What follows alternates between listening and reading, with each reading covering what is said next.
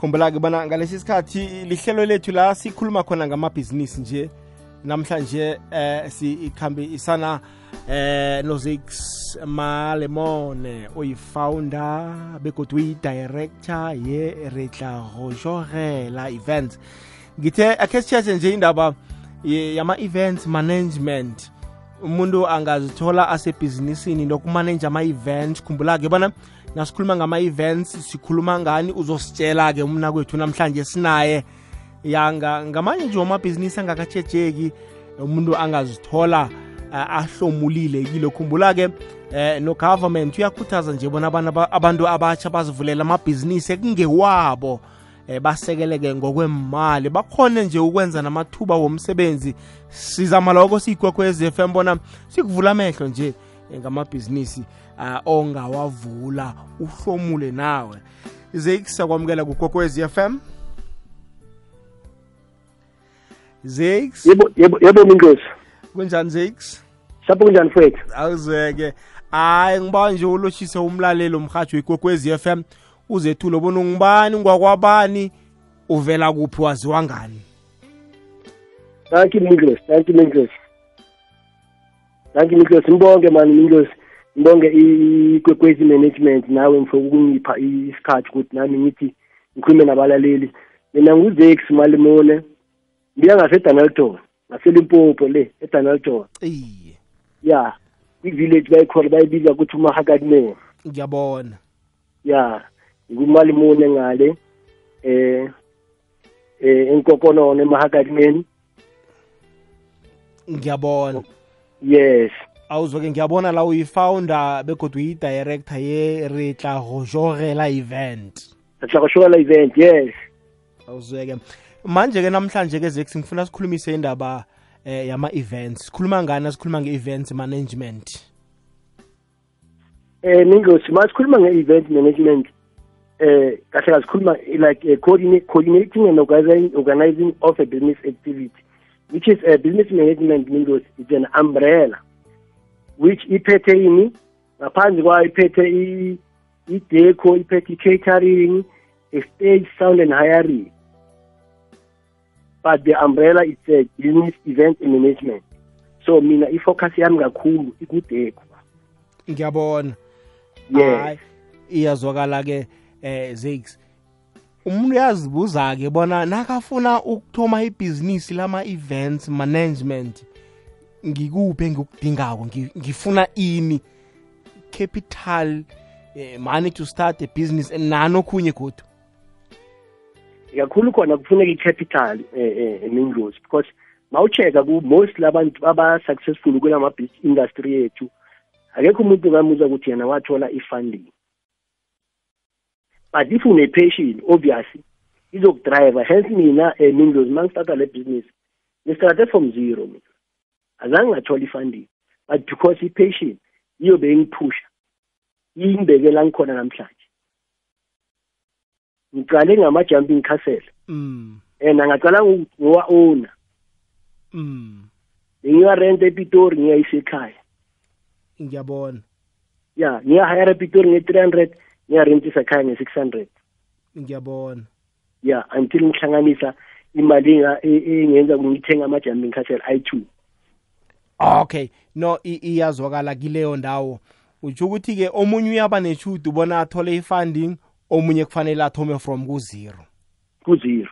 Manje-ke eh ngimapha ama-resources afunekako insetshenziswa ezikwenza ukuthi ukhone ukwenza ibhizinisi le ibe successful? Singaqala mhlambe eh ibhizinisi yedeco and catering into ezifana nalezo? Yes. Emingosi let me say kudeco into ebalulekile kumele ube ne-furniture ne-tent ne-transport because i-transport most into ikhosta abantu because lo msebenzi wethu usebenza nge-punctuality.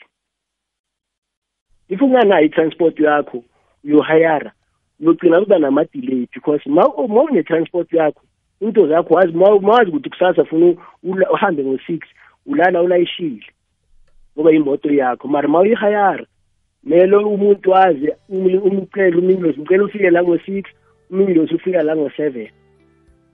Usayolayisha. Sewulate kumele ufike kuvini ngesikhathi bani? Ngabo seven wena usalayisha.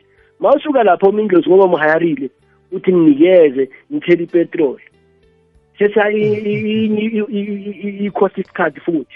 Angizwisisi ngiyabona. Yes. Ngiyabona.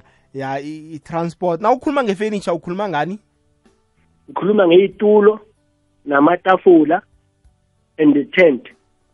Into ezibalulekile kakhulu kule industry mina ngikuyo ideco. Ngiyabona. Kunjani-ke ama-challenges evane nihlangabezane nawo nanidila ngama-client wenu ama-customer wenu kuyini mhlambe? Ngoba kuyibhizinisi la osebenza khona um ngabantu. Hey ama-challenges amaningi mindlozi because eh mm. eh aba-customer wethu umuntu uza kuwe anama-expectation athile. Abayenzi research. Most ama-client abayenzi research. Abanye bayenze research umuntu makaza kuwe amanye kuba lula ukucommunicate nabo nokusila ideal. But abanye umuntu uza aphethe i-budget like a low budget but afuna something big. Lo muntu wabona ukuthi lo muntu akayenzanga research. But manje ma wafika la kuwa kutshela ukuthi mina ngifuna into eso uphethe i-five thousand ufuna into ebokuthi nomkhuta almost hundred and ten. Wabona ma umtshela nje ukuthi hundred ten lo muntu umcoshile uyobaleka mm.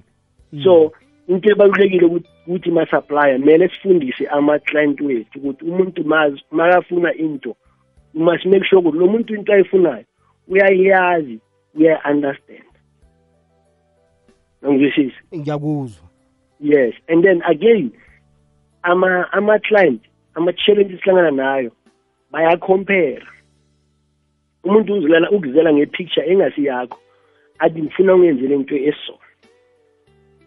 Remember ukuthi le nto le noma angalethi i-picture angeke ngiyikhiphe perfect because i-creativity ayifani yabantu yeah ayifani yabantu umsebenzi wami ungawuthatha ungawuthatha ama-picture wayobonisa ama-client wathi lowo umsebenzi wami watshontsha umsebenzi wazeki wayobonisa amanye ama-client wakho kuphi kuphi ukuthi no. Nangumsebenzi wami. But ngiyabheja mintos angeke ukhiphe the way mina ngiyokhiphe ngakhona. I-creativity singaba nama-equipment yokufana but i-creativity will never be the same. Ngiyavuma. Yeah. Iyazwakala uyayikhulumisa indaba yama-client. Kwesinye isikhathi umuntu eze angazi into ayifunako. Unaso somthomo umbonisa umtshelane nani kube kwangathi uyamqotha. Manje-ke zexi sibuya endabeni ye-covid-19 inithinde kangangani lapha emkhakheni um we-event management eyi isilimazile mindlosi isilimazile ngifuna ukutshela amanga but eh hence i'm saying into important mase unazo angeke kuzuthi ubuhlungu kakhulu kanjalo because mina on my side equipment nginayo nginayitulo nginamateni nginamatafula so but if unganayo i-finisher kuba nzima kakhulu ngoba angisho ama like mabona le-covid mayezofika ngo-twenty twenty it was towards march besiya-approacha i-easter. Bekusebe kuphuma ama-date abantu bebasiphe ama-deposit abanye basebaclearile amabhalansi wabo bapristera for-easter so kwa i-covid yafika into zama. Remember angeke ubulale indlala uthi uphethe imali yakasibani bani lana angeke uthi basithenga isishilo ngayo yeah but yoba challenge mase kuvulwa. And the time ukuvula uthole ukuthi bayavula bathi no khona manje sivulele abantu abangaka so so so so ama-event sivulele i-hundred. Angizwisisi so labantu nabahlanye uphetha deposit zabo bayaza boyi-two lo yathi no mina ngicela weekend eyi-five lo yathi ngicele weekend the following weekend eyi-eleven. So ma unganayo ifinish uzostaka because eh if usebenzisele imali umuntu uyabuya no ngicela next week mina ngoba upresident seyabule ngicela ungidlulise. Awunayo ifinisha imali sewedlile uyomtshela uthini iclient ngoba kumele udelive uzomtshela ukuthi apostpone awuna right ukuthi umtshelauyakwazi ukuphila imali wena kumele udelive wabona ukuthi uba ne-stress uba nema-challenges ma uza la kimi kuzex ngino-material uthi uthi uthola ukuthi nami iclient igijimele bavulile nami ngithola ukuthi mina hayi ukuthi ngiyakwala. Nami i'm fully booked. Wabona ukuthi yona isilimazile. Into zasalele emuva esibhaye zasalele emuva.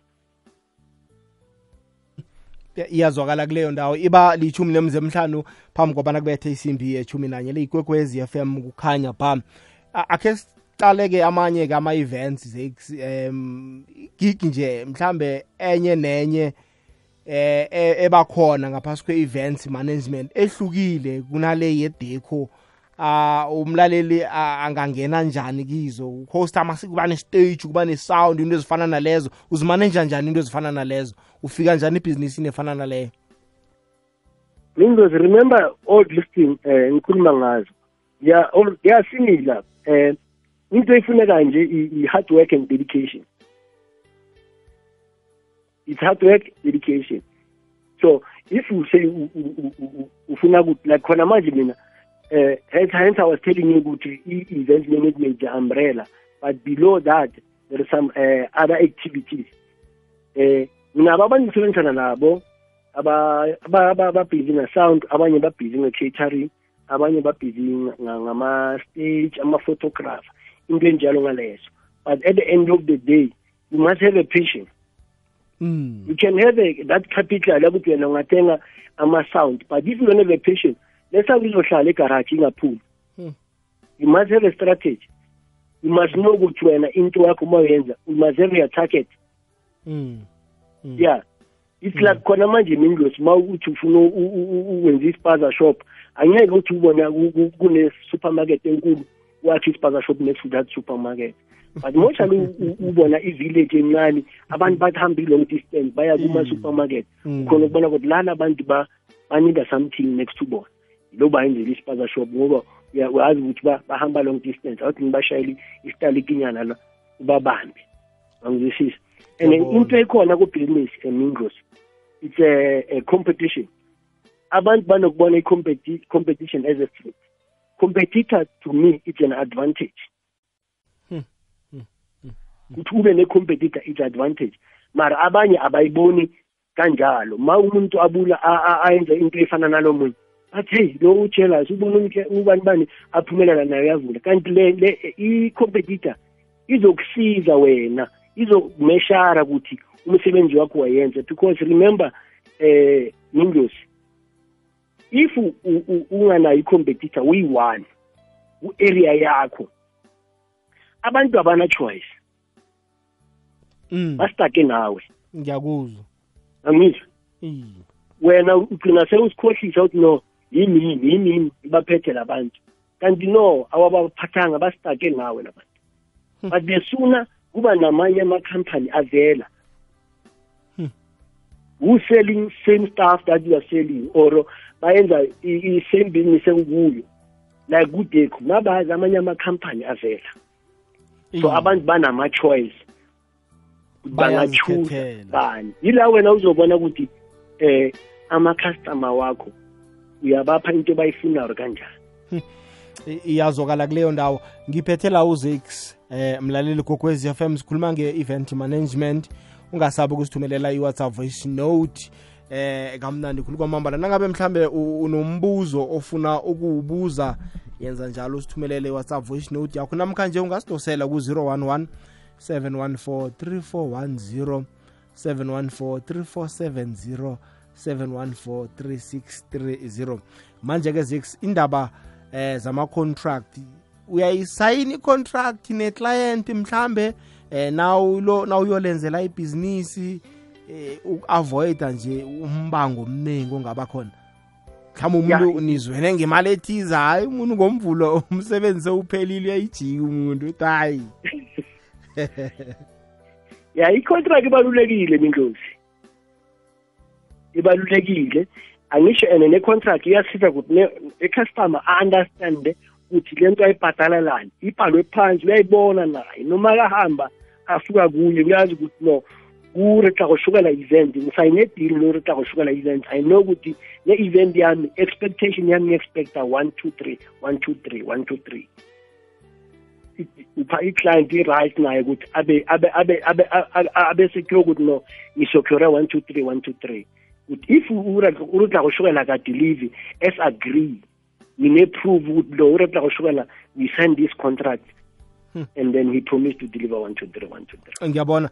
Alo ngoba nani ama client wenu ayalila kwesinye isikhathi kuthiwa uthembise into enje sowudelivera into enje.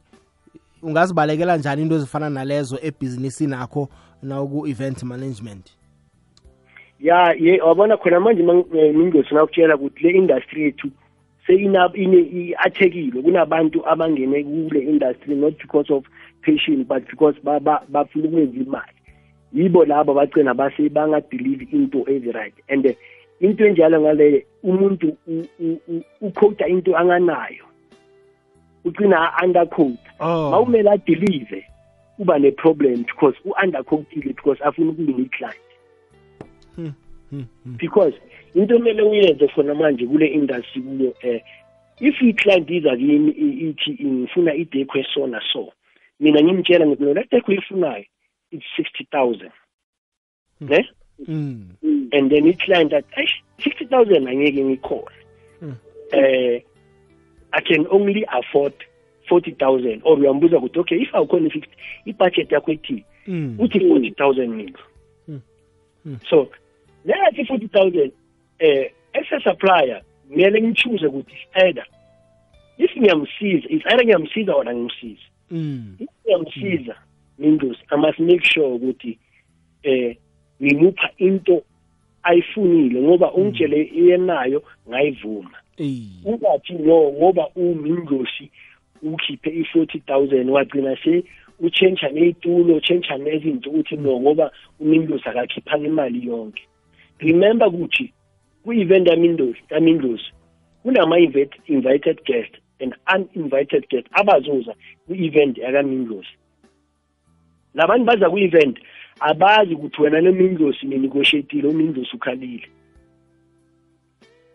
Angizwisisi i-problem ebakuzo Ngiyakuzwa. iye bona ngiyakuzwa babona babona umsebenzi wakho ungaphelelanga. Bayazibuza ukuthi kanti umindlosi lo muntu lo aze nento esiso sokudala umthathephi Hmm. Abazi ukuthi wena ukhalile Mm. so again wena as a supplier uyazikhawatha ibhizinisi yakho because the same thing that we doing le kumindlosi ukhawatha ibhizinisi yakho Hmm. Hmm. Hmm. Hmm. wazi ukuthi ma yodeliver you also marketing yourself zex ngibawa ukukubamba kancane khe ngizwe umbuzo womlaleli igogwezi Okay. lotshani yini thombo kunjani sikhona kunjani baba hayi right ngunzunza egama bafika sithokoze nzunza? Eh ngilothi felix thekeli lapho. Iye. Akhe ngimbuze mani? Mm. sometimes kuba nama-event. Uthole ukuthi i-event i-project ikhishwe mhlambe i-government. Mm. bathi sibawa usenzele mhlambe i-event nasi. But imali izokuza after an event. Kutsho ukuthi kumele athathe imali ekungeyakhe ayisebenzise abhadele abhadele ama-artist abhadele everything abhadele i-catering Mm. then ayoclaima sekumuva imali imlandele emuva Mm. um udlula njani lapho ubudisi akahlangabezani ubudisi sometimes because uthola abanye eh ama-coast sebathatha Mm. sebabhadela imali encane Mm. into zakhona basebenza into ezicheap ngoba imali Mm. iphuma kibo Mm. then Mm. after that akhambe ayoclaima imali i-government imali e-extra emore Mm. Mm. Eh, yena udlula njani kulezo zimo lezo? Ngoba ama-event awafani Iye. uyakhumbula? iye. Kunenye bakunikela imali before Mm. wenze ngemali leyo. Mm. then a- amanye bakunikela imali after sowukhipheke yakho isikhwama. Ngiyakuzwa. Ngazi uyangiza ma? Hayi mbuzo omuhle nzunza sizowuphendula. Ngiyathokoza siyathokoza. Eh zex angazi bona wakho waba eh, se sebujameni la usebenza khona mhlambe ne ne-organization ethize ethi yenza ngemalakho sizokubhadela after. Angazi bona une-experience yaloko na udlula njani? I- kuthiwa khipha esikhwanyeni sakho sekampani bese Yes. uyo- u- uyokleyima ngemva kwe-event. Yeah angisho manje lezo windows eh eh especially lenza ama organization now because baza kubhadala maybe after 30 days. You must have a operational cost. Mawunganayo operational cost sokhona ukuthi a- a- angeke uyithathe le le le le- le gig enjalo. You must have your operational cost eh eh, ukuthi uthathe i- i deal enjalo ngaleyo. Ngiyabona. Ngamanye amagama utsho ukuthi ukubalekela ukwenza izinto e- ezingasiyi-quality kungcono ungayithathi i-deal enjalo ngoba unganayo imali yokwenza ungakabhadelwa. Yes because remember if u- u- u- u- u- wena usupplier unganayo i- i-material le bayifunayo if uyithatha awunayo i-operational cost. Mawuzazi mawuya ku- ku-supplier b u-supplier b wakutshela ukuthi le tulo ukuthi siphume ngicela usibhatale hundred percent wena awunayo but uthethe i- umsebenzi ukuthi uzawuyenza. You end up not delivering. Iyazokala nzunza ngiyathemba bona uyaphenduleka. Uyatsho uzekisa ukuthi kungcono i-event leyo ungayithathi nzunza ngoba i-operational cost awunayo. Uzozithola ungakadelivari bo ulimaza nebizo lekampani akho manje ngoba zekisa umsebenzi phela uyahlogeka unzunza uzokuhamba yokuboleka imali ebhanka enzeni umntu ned ukuthi avuke nayo utsho njani uthi ngayithathi no angisho yona yona imindlozi okusalayo ukubhatala bazokubhatala mm. Bazokubhatala hence i'm saying if yena abona ukuthi uyoboleka imali ebank m- remember mfuthi kumele acalculate ama-cost azoba involve kule mali ayibolekile ebhanka ukuthi makabambhatalele egovernment. Mm. nakazitela imali ebhankini uyosala ne-something esikhwameni na? Oh ngiyabona. Yeah it's win or lose. Ungaya ebank and then as long as ukuthi no le ngiboleke i-thirty thousand Mm. invoice eighty thousand ngiyazi mangicela ukubusela le thirty nama-interest wayo ngibhadala ngibhadala i-team yami ngibhadala lokho labo supply laba basapile uyosala ne-something ekungcono lapho ngoba kwesinye isikhathi ulila ngokuthi ugcina u-underpayer nabantu ngoba wena u- ubereka nge-operational cost yakho. Kodwana uthi sele uyokubhadalwa after 30 days ubhadalwa imali eningi kanti udle abantu izandla. Yeah but agree the very able of the business to make profit. Kodwana wenza i-profit nge- nge- ngomjuluko wabanye abantu. no a- a- ubaphile si- ba- ba- bayicelile. Akusaba akusaba ukuthi udle udle imali ngomjuluko wakho. alright hayi yazwakala Zeki. akhe sizwe la? Lotsha mindlosi eh mindlolof shonile baba. Eh ngicela ukubuza kubut james. Re tla go shogela event. Gore o dia jwang o dila jwang le di-customer tša gage mo o kgwetšagang gore space ga se enough ha fitlha mohlomongwe ba batla gore a direle polekeng eh, plekeng e so and then yena wa bona gore nna le tente laka ke le legolo ka mokgoo nka se kgone go dia mola eh, eh, plekeng e so. How do you organize with your client eh mabapi le ditaba tsa go tshwana le tsona tšeo and then ngibuye ngibuze nokuthi in terms of ikhala eh uphethe wonke amakhala uJames because i know ukuthi ama-client awanye uthola ukuthi uidentify ikhala somewhere njengoba ushizo nawe. Uthola ukuthi wena awunayo how do you deal with that? And in terms of i-punctuality njengoba usho nawe time management ukuthi imoto kudingeka imoto uma uhamba udila ngama-client afana nalawo ngoba isikhathi esibalulekile uvuye ekuseni na imoto yakho ayivumi ukustarta imoshakele. How do you do? Do you have, have plan b? Uma u-organizer iy'ndaba zalawo ma eh ma-event afana nalawo na njenge- njenge- njengekhampani na. Chip mashaba endaweni yasewitbank eclarinet extension 3 tonko! Siyathokoza Zeki umzwile umbuzo wakhe beyi-3 ye ngizwile kahle mindlozi As- kukhanya ba awuzweka siyiphendule. Ya yokucala le ye-space mindlozi mm. eh into engenzayo mina eh mangifinalize i-deal ne-client. Eh ngicharge ne-site site visit. Oh. Yeah. If i-client ingiphe i-deposit angisho omunye i-client othi no ngifuna ukuthi before singaconfirma ngale size of a tent uze uzobona ispace. I'll charge a client a site visit fee. But if i-client siyanginikile i-deposit angisho lapho ngisho ngisecurity ijob ijob yami. Mm. ngizoya kuvenue ngiyoviewer before the event. Mm. Mm. ngi-advise ne-client ukuthi okay client if ufuna ukuthi itende ihlale la the space esila singazivuma ukuthi itende i- ish- ibhekele or iye le or kumele usuze one two three ukuthi le tende ize fit inside the yard Hmm. the site visit now is important because if you don't do site visit and ne-friday ngelanga lakuthi kumele uwenze itende uma ufika le uthola ukuthi ispace bakutshela ukuthi thina sifuna ejaridini abantu bakutshela ukuthi thina um uthole ukuthi umkhonyana nomakoti bazwane ukuthi hayi uyibeke estratini mabafika la abazali bathi next umntwana nani kachada njengesitratini sifuna ejaridini yabo and ispace asikho-ke eh, ngaleso ispace sikhathi. asikho. Kune-wall fence. At least ma kune-fence bayayisusa mara ma ku-wall fence wabona ukuthi bayini ngathi isikhazwa kubizwa ubaba bathi usekenziswa le nto iy'nkomo niyamela. Njengokuthi isikhazi kuletenda ngeke engene la uyabona into enjalo? Ku-avoida le nto en- eh, lo bhuti acela ngayo? Mele ayenze ama-side visit a-charge. Ya. No Yeah. no ngiyakuzwa. Ubuzileke nendaba and abuya futhi abuza ngamakhala. Iye iye. Yes. Ikhala i-client ine-right yakuthi ufuna any khala i-client ayifuna wena ese-supply it you are right ukuthi u- usupply angithi you are charge iye. Because the sooner wena utshela i-client ukuthi hawa mina ngine-pink ne-lemon ne-yellow kuphela. Kusho ukuthi wena le client angeke uyifune ngoba angeke uchentshise u- u- umuntu into ayifunayo. I-client athi ngifuna i-dusty pink eh Mm. uchathile mfo and iplan yakuthi utholele i-client dusty pink. Angeke No. uchentshise i-client iphi i-client into ayifunayo? Hence i'm saying to me i'm saying the client specification is more important. Ya- yazwakala. Wesithathu umbuzo? Ngathi ubuze ngendaba ze-transport. Punctuality yes isikhathi yes.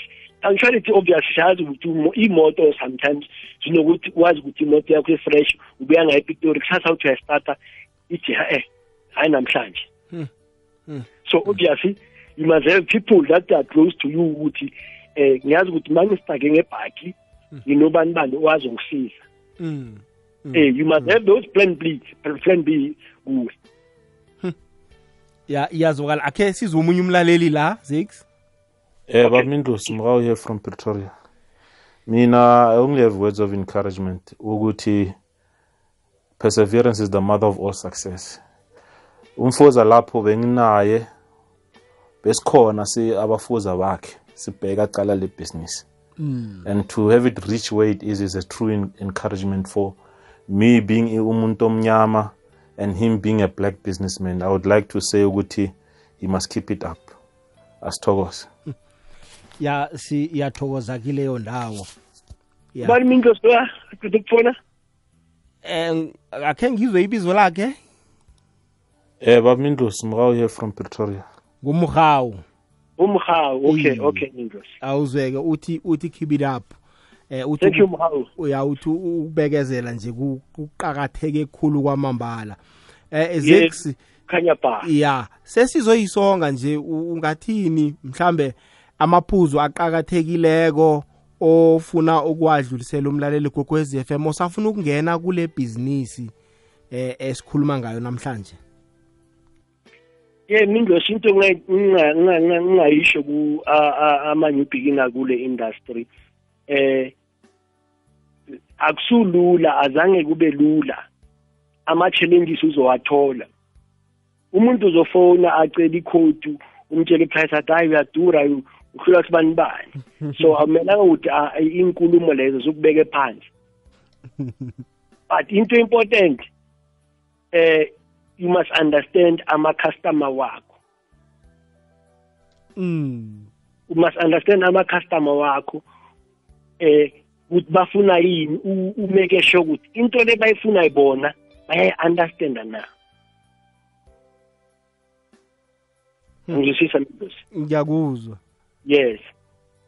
And it's important ukuthi eh ama-client wethu siya-respecta kuba yibo abolungu yibo baletha imali. La sikhona ngenxa yabo. Mm eh we need to respect them. You mustn't take advantage yabo ukuthi hayi sebanginikile imali ngizofika ngesikhathi sami or kanjani njani no no angeke ulunge. Namkha nizwene ngento ethize wena sowujugulula izino ngoba eh bathi uphethe imali ehlangothini lakho eh nje sebazokuzwa ngami no no ungakhohlwa ukuthi yena lo muntu leyo umoshelayo bakhona abantu bazoza emshadweni bazombuza ukuthi umtholephi lo muntu akwenzela iteko enhle so athi hayi inhle mari uyasokolisa beyasiyangaza ansara amafoni bangifuna one two three one two three because ibhizinisi yethu ad- i- i- i-advertisement yakho is a word of mouth mm mm. Ya wamosheka ayi-one i-company igama le-company liyamosheka mm. Yes. Mm. Ya yeah but eh into ekhona eh imindosi akulula kule industry especially if unganayo i-support ekhaya hayi kunzima kakhulu yeah. Kunzima kakhulu u- kumele ube ne-support from ekhaya. So mina ngazi ukuthi ngithi ngibe lucky eh u- umfazi wami mama abantwana bami umkatsi ungisupporta all the way. Even my mom bangisupporta 100% ongamanye amagama. Ikhumbulana even ngilana ePretoria bangiranele yona ekhaya. Ngibatshele ukuthi ngicela 1 2 3 1 2 3 1 2 3 and enye enye into emele ibukhona uma ungathola i- i-team e-reliable hayi you are number one. Mm. I- ingasi Yeah. u- ukuthi umuntu unzwene ukuthi ngomgcibelo siyo- siyokusebenza umuntu u- u- uphethwe ibhabhalaza kalala ubusuku bonke. that's a problem Mm. mm, eh mm, because mina ngingaba khona as a director mara if i-team ingekho i'm nothing Yeah, yeah. yeah No i- iyazwakala ngikuzwile wakhulumisana indaba yomndeni ukuthi ke umndeni kufanele ukusekele ngaso sonke isikhathi ibhizinisi yaba soke iphumelele. isikhathi exactly Awuzweke. Nitholakala kuphi izex iwebsite yenu social media into ezifana nalezo? Ya mu eh, mina ku ku- ku ku social media ne Facebook i-page yami ithi re tla go shogela event Mm. yeah and then eh, kuma contact and whatsapp eh, 082 622 0927 Sizibuyelele kokugcina. 082 622 0927 izex isithokoze khulu kwamambala ukuba nawe namhlanje ukwabelana nomlaleli ilwazi lakho ngalibhizinisi ebesikhuluma ngayo. Umlaleli uzakwenza ilandelela ngenomboro zakho nakafuna ukwazi ngokungeneleleko sinifisela ichudu lodwa. Ngithokoze kakhulu ngithokoze kakhulu mindlosi siyathokoza zex eh kukhanya ba. Awuzweke. Thank you mindlosi nambala siyathokoza. Nguzex malemone oyifounder and ni-director ye-retla gojogela events. Besikhuluma ngendaba ze-events management sitshetshe gudlwana endabeni zamadekho into ezifana nalezo eh u- uzweleke nawe eh, ukhulume mumuntu izinto zikhulunywe mumuntu onelemuko lento esikhuluma ngayo udobhadobhile uzamdosela nawe nawufuna ukubuza eh, ofuna ukukubuza ngali ibhizinisi ebesikhuluma ngayo. Namhlanje siyathokoza mlaleli gogo.